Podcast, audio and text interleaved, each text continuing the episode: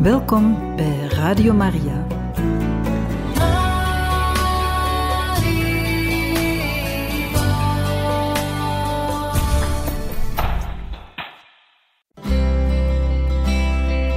Welkom bij Boekat, een programma van Radio Maria.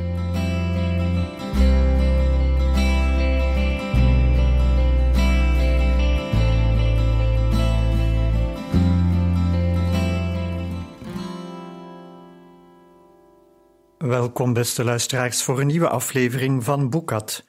We lezen vandaag uit het boek van Tessa Afshar, schrijfster aan het Perzische Hof.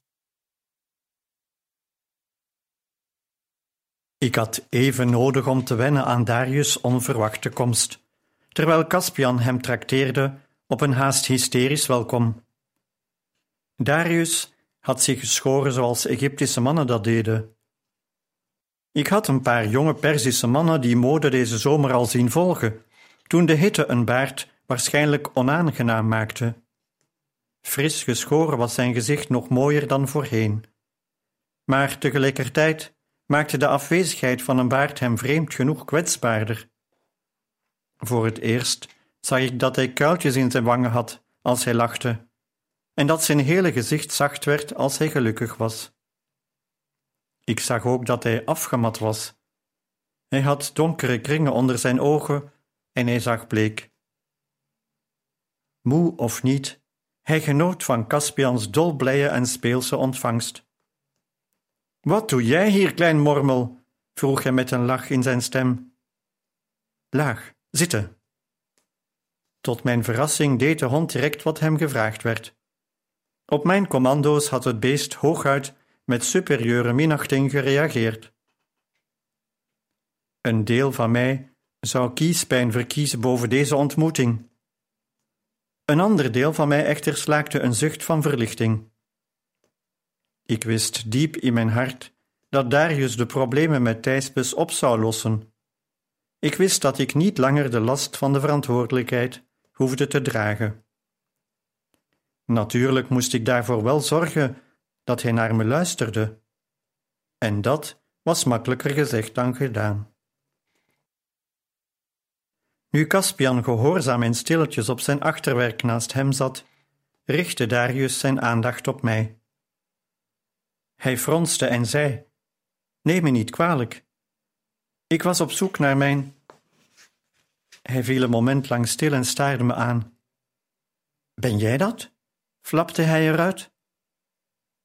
Dit had ik niet verwacht. Was ik zo anders dan dat meisje op de heuvel? Ik boog. Ik ben het, heer. Aha, een vrouw met vele gezichten. Zijn glimlach was onaangenaam, typisch. Ik koos ervoor zijn steek onder water te negeren. Er zouden er ongetwijfeld nog vele volgen. Als ik op elke bittere beschuldiging inging om mezelf te verdedigen, zouden we nooit aan onze frauduleuze rentmeester toekomen. Mijn heer, uw komst op dit moment is uiterst gunstig. Darius leunde met een schouder tegen de muur en sloeg zijn armen over elkaar. Werkelijk?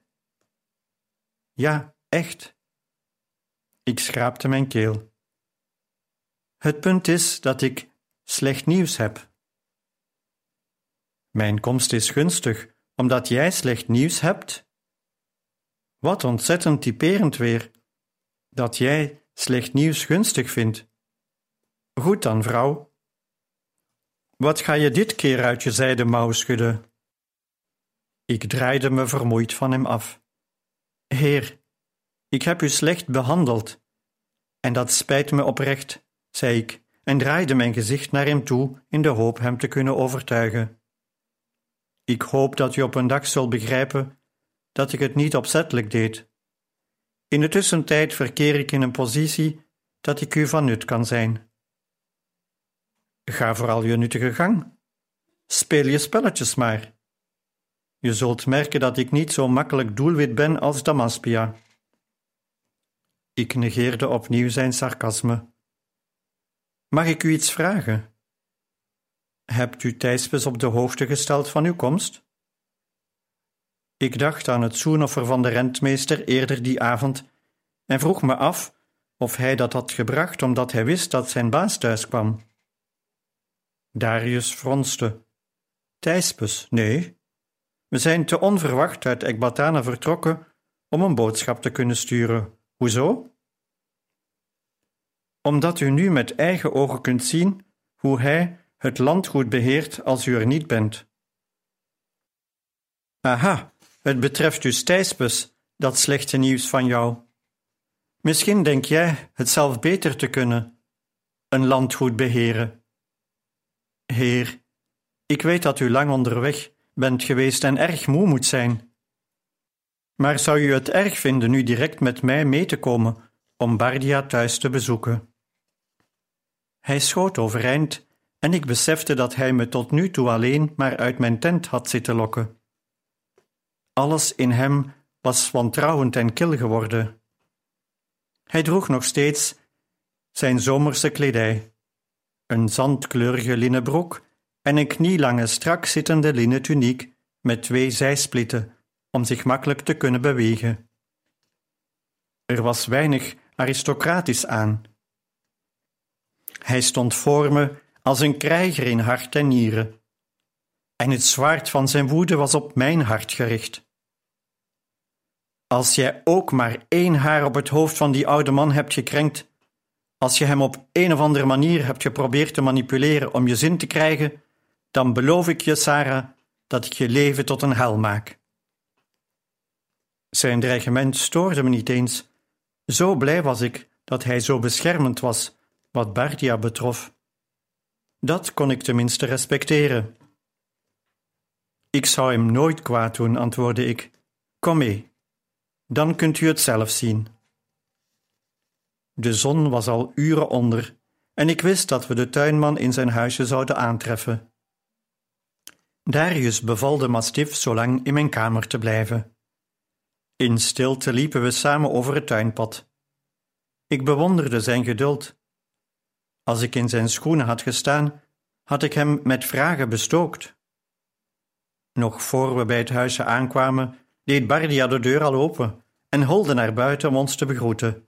Meester, mijn goede meester, riep hij, en nam Darius in zijn lange armen alsof hij een klein jongetje omarmde, en niet een volwassen man, die twee keer zo groot was als hij.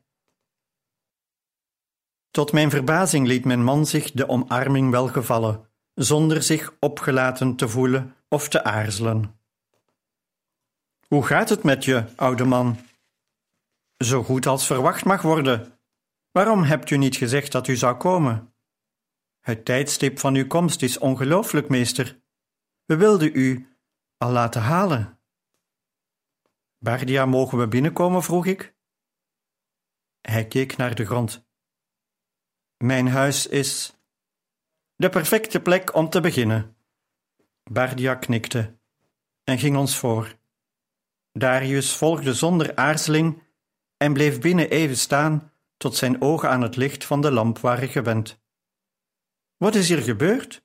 riep hij plotseling uit, terwijl hij de bladderende muren en de vochtige vloer in zich opnam. Waarom woon jij zo? Het vocht trekt op vanuit de vijver, zei ik. Waarom heeft niemand mij hierover geïnformeerd? Weet Thijspes dit? Ja, heer. Ik heb het hem zelf verteld, maar hij weigert er iets aan te doen. Is dat waar? vroeg hij Bardia. Ja, heer. Die verdraaide vent. Ik pak hem wel aan. Darius stormde naar buiten, en het enige dat Bardia en ik konden doen, was achter hem aanstormen. Heer, wist ik met moeite uit te brengen, er is meer. Er zijn nog andere dingen die u moet weten.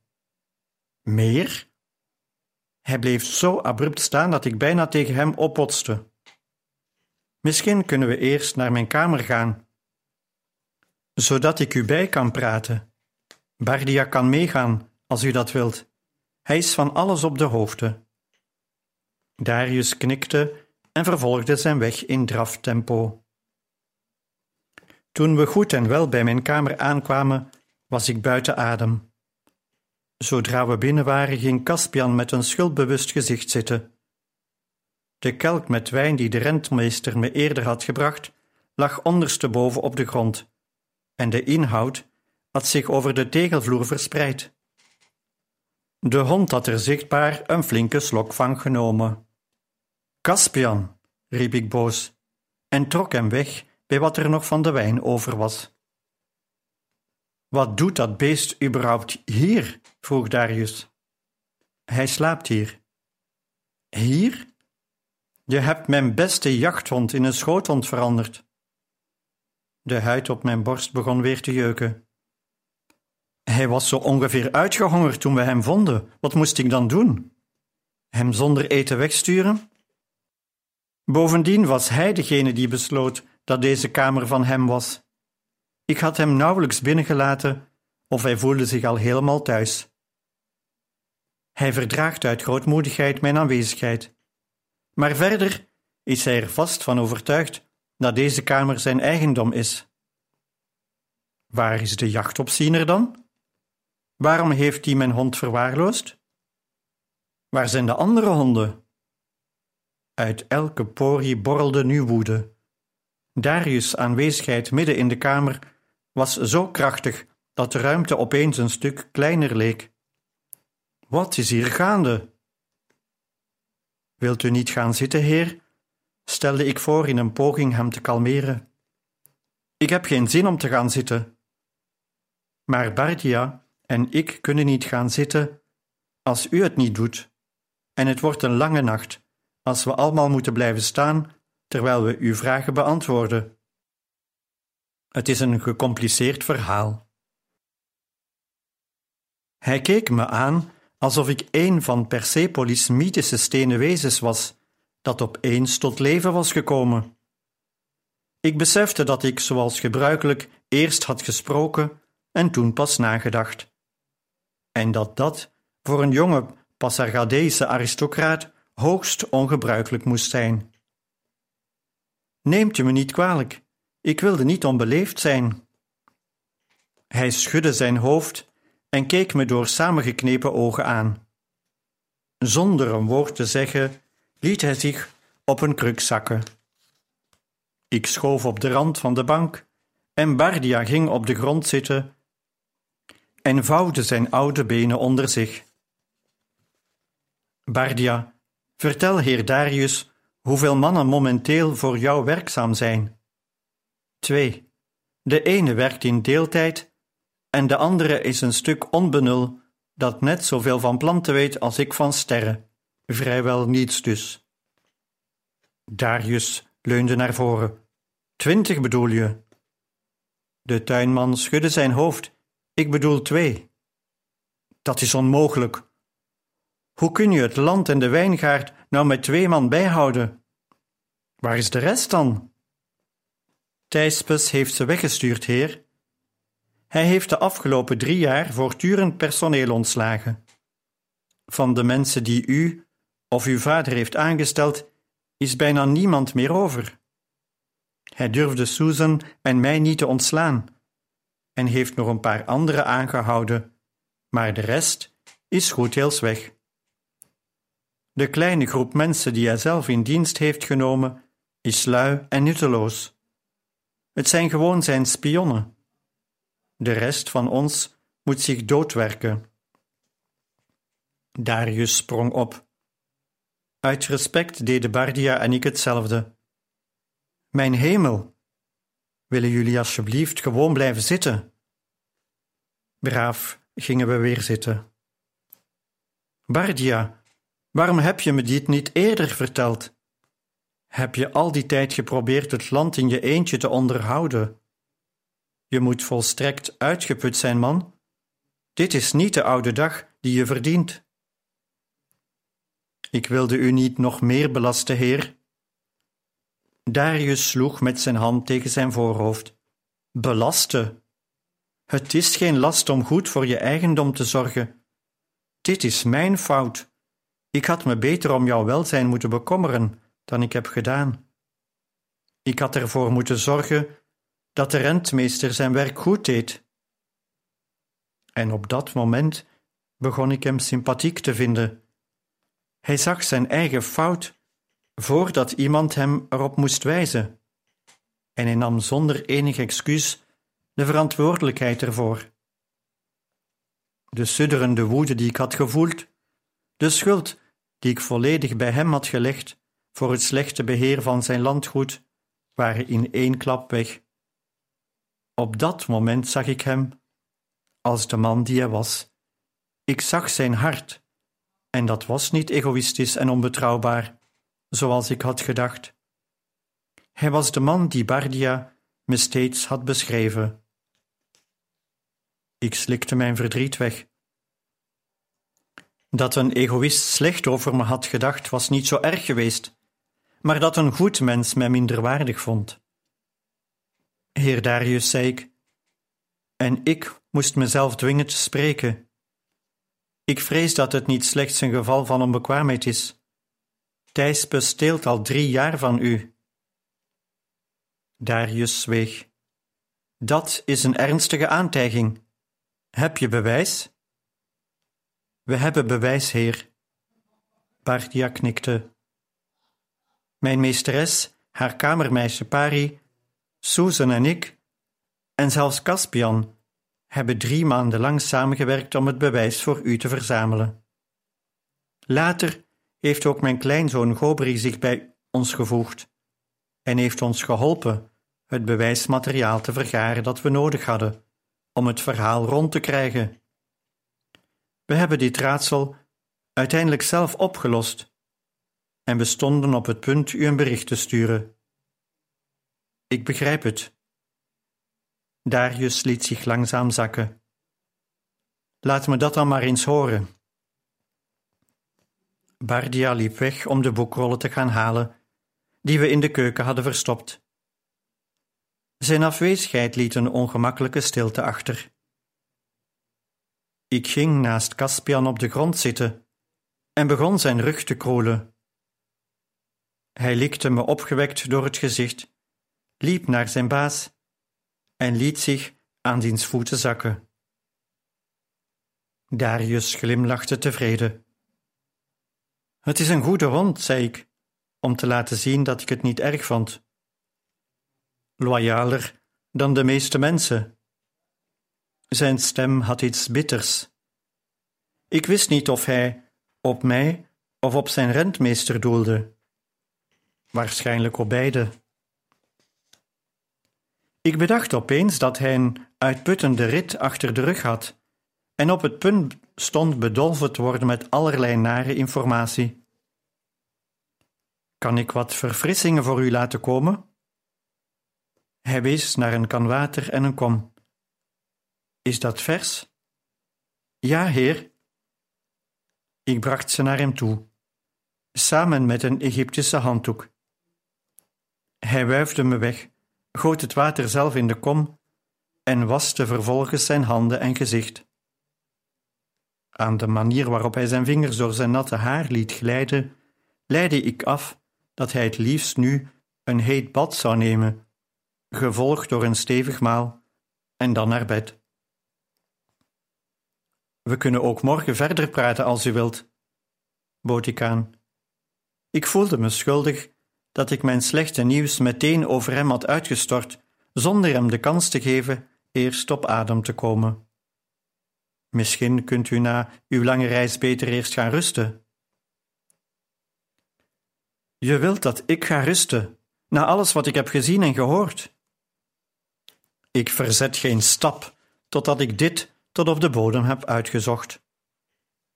Precies op dat moment kwam Bardia terug met de boekrollen. Tot mijn opluchting werd hij op de voet gevolgd door Pari met een groot dienblad vol eten.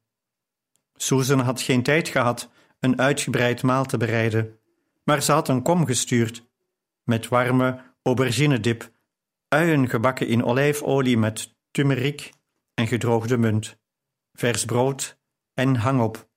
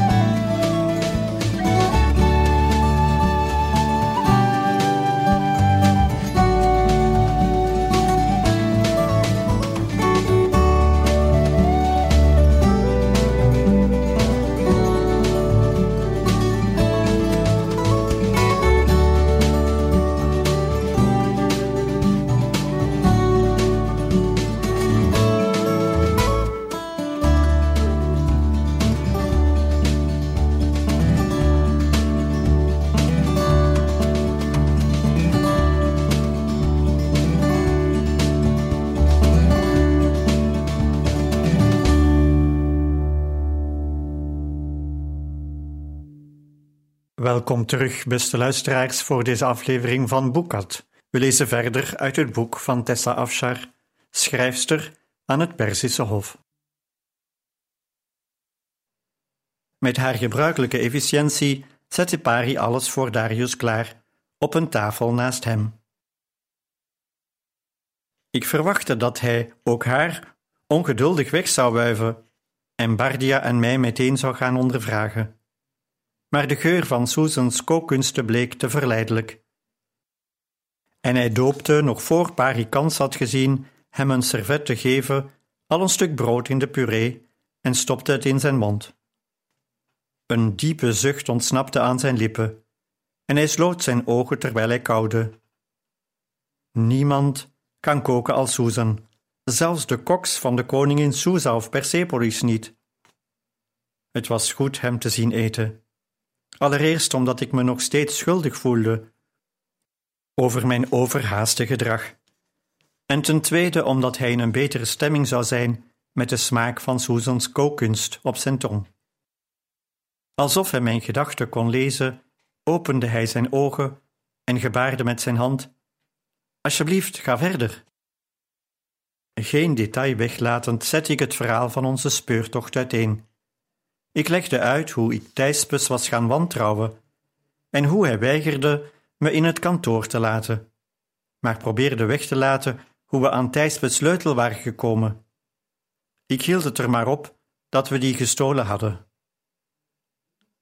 Wacht eens even, zei Darius, die mijn gehaaste verhaal onderbrak. Hoe hebben jullie dat voor elkaar gekregen? Als ik het me goed herinner, heeft hij dat ding altijd om zijn nek hangen. Of zit ik ernaast? Nee, dat klopt, zei Bardia. Ik begon ongemakkelijk heen en weer te schuiven. Nu moest ik mijn man vertellen dat ik in mijn eentje de slaapkamer van een man was binnengeslopen en dat ik hem zelfs had aangeraakt terwijl hij lag te slapen. Darius luisterde naar het relaas van mijn indiscretie en diefstal, met een spottende schittering in zijn ogen. Mijn vrouw blijkt getalenteerder te zijn dan ik dacht. Herinner me er bij de volgende oorlogsmissie aan je mee te nemen. Dan kun je s'nachts de tent van de generaal binnensluipen en me alle informatie bezorgen die ik nodig heb. Mocht hij ontwaken voor je klaar bent, dan mag je hem van mij de groeten doen en zeggen dat hij je mag houden. Tot mijn schrik maande Bardia, die anders zo respectvol tegenover hem was, Darius tot stilte. Dat bedoelt hij niet echt hoor, meesteres. Als hij het hele verhaal kent, biedt hij zijn excuses aan. Dat weet ik zeker. Dat doet hij niet, dat weet ik zeker, zei Darius, en pakte nog een portie brood met aubergine en yoghurt. Voordat we de draad van ons verhaal helemaal kwijtraakten, ging ik verder waar we gebleven waren en onthulde Caspians aandeel in het geheel. Darius brulde van het lachen, een geluid dat ik nog nooit had gehoord. Ik bedacht dat ik er best aan zou kunnen wennen. Slim beest, hij heeft jullie gered. Dat deed hij ook, gaf ik toe, maar hij moest er helaas voor boeten, de stakker. Ik beschreef hoe ik Thijspes met Caspian had aangetroffen en dat hij hem had geslagen. Darius trok bleek weg. Ik kon zien dat het hem moeite kostte zich te beheersen en niet op te springen, om onmiddellijk Thijspes te gaan halen en hem een koekje van eigen deeg te geven. Ik keek naar de hond die me die avond zo moedig had gered. Hij was opvallend stilletjes en slaperig, als je bedacht dat zijn baasje er na lange afwezigheid eindelijk weer was. Ik strekte mijn hand uit om hem over zijn kop te aaien. Darius moest dezelfde gedachte hebben gehad, want onze handen raakten elkaar heel even boven de borstelige haartjes. Ik trok mijn arm snel terug en verborg hem in de plooien van mijn rok. Ik durfde niet naar Darius op te kijken, kon zijn sarcastische uitdrukking niet verdragen. Misschien dacht hij wel dat ik mijn hand expres had uitgestoken, als een excuus om hem aan te raken. Hij hield zich in en maakte dit keer geen scherpe opmerking. Wat gebeurde er toen? was alles wat hij zei. En dus vertelde ik hem over de discrepanties die ik in zijn boekhouding had gevonden en liet hem de cijfers zien die mij op het spoor hadden gebracht. Ik moest dicht bij zijn kruk knielen om ze te kunnen laten zien. De vloeiende plooien van mijn mouw gleden steeds over zijn dijbeen als ik hem iets aanwees. Zonder waarschuwing pakte hij plotseling de zijdebeet, schoof de stof van zijn schoot en stond zo abrupt op dat ik mijn evenwicht verloor. Met een bonk kwam ik op mijn billen terecht. Hij rolde het perkament op en gooide het op tafel. Goed, ik zie inderdaad dat er iets niet klopt. Dat bewijst nog niet dat hij een dief is. Al heeft hij heel wat uit te leggen. Heb je nog meer? We hebben nog meer, ja. Nog voor ik uit de doeken kon doen wat Thijspes op de dinsdagen uitspookte, had Bardia al verteld van de loszittende steen op de tuintrap. Je denkt dat hij opzettelijk probeerde mijn vrouw pijn te doen? Dat is niet te geloven, Bardia. Je zou toch wel gek zijn om zoiets te doen? Of heel brutaal. Mijn kleinzoon ontdekte het. Hij zei dat het ding opzettelijk los was gemaakt. Darius liet zich weer op de kruk zakken. Gobri kan het weten. Hij is geschoold genoeg. Ik kan het nauwelijks geloven. Maar waarom? Hij moet ontdekt hebben dat de rollen ontbraken, zei ik. Het was een waarschuwing dat we hem met rust moesten laten. Ik was weer op de bank gaan zitten, op veilige afstand van mijn echtgenoot. Hoe dan ook, Gobri wilde wel wat spionagewerk voor ons doen in Ekbatana. We gingen ervan uit dat Mandana's tweeling van Thijspes was, maar we bleken ernaast te zitten. Ik beschreef Gobri's ontdekking en Bardia vulde vervolgens het verhaal aan met ons avontuur in Persepolis. Hij was gelukkig zo wijs mijn man niet over mijn korte carrière als courtisanne te vertellen.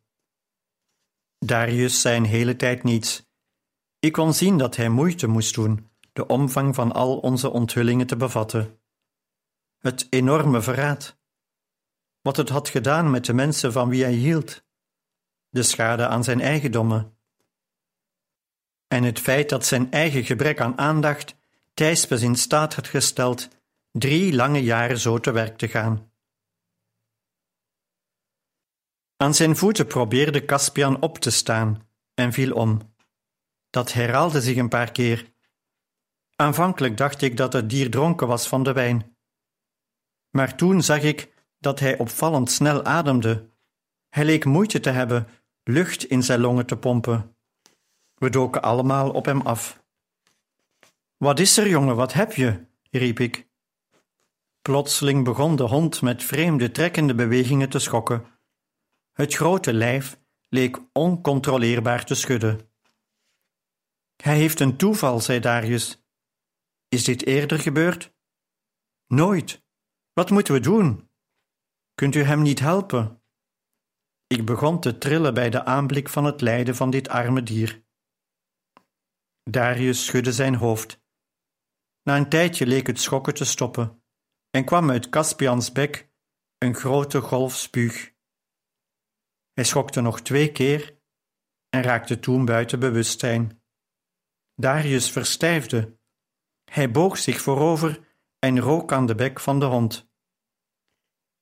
Bittere amandelen, riep hij verwonderd en draaide zich naar Bardia om. Ze wisselde een blik die mij helemaal niet beviel. Wat betekent dat? vroeg ik. Vol afschuw liet ik mij op de grond zakken. Sarah, wat heeft hij vandaag gegeten? Hij heeft gehad wat ik voor het avondeten had. Wat jij had? Opnieuw was daar die blik tussen de twee mannen. Vervolgens keken ze mij aan. Darius' groene ogen stonden strak en intens. Nog iets anders? Ik herinnerde me opeens weer de wijn. Hij heeft de wijn opgelikt, die Thijspes me eerder bracht, weet je nog? Samen met de dadels. Darius stoof op de vrijwel lege kelk af en rook eraan. Bittere amandelen, zei hij cryptisch. Ik legde Caspians kop op mijn schoot en begon het roerloze lijf te aaien. Wat betekent dat? Waarom is hij zo ziek? Darius knielde voor me neer. Sarah, ik voelde me te ellendig om te reageren. Hij begroef zijn hand in mijn haar en tilde mijn gezicht op tot ik hem in de ogen keek. Heb je van die wijn gedronken, Sarah? Hoezo? Die was vergiftigd.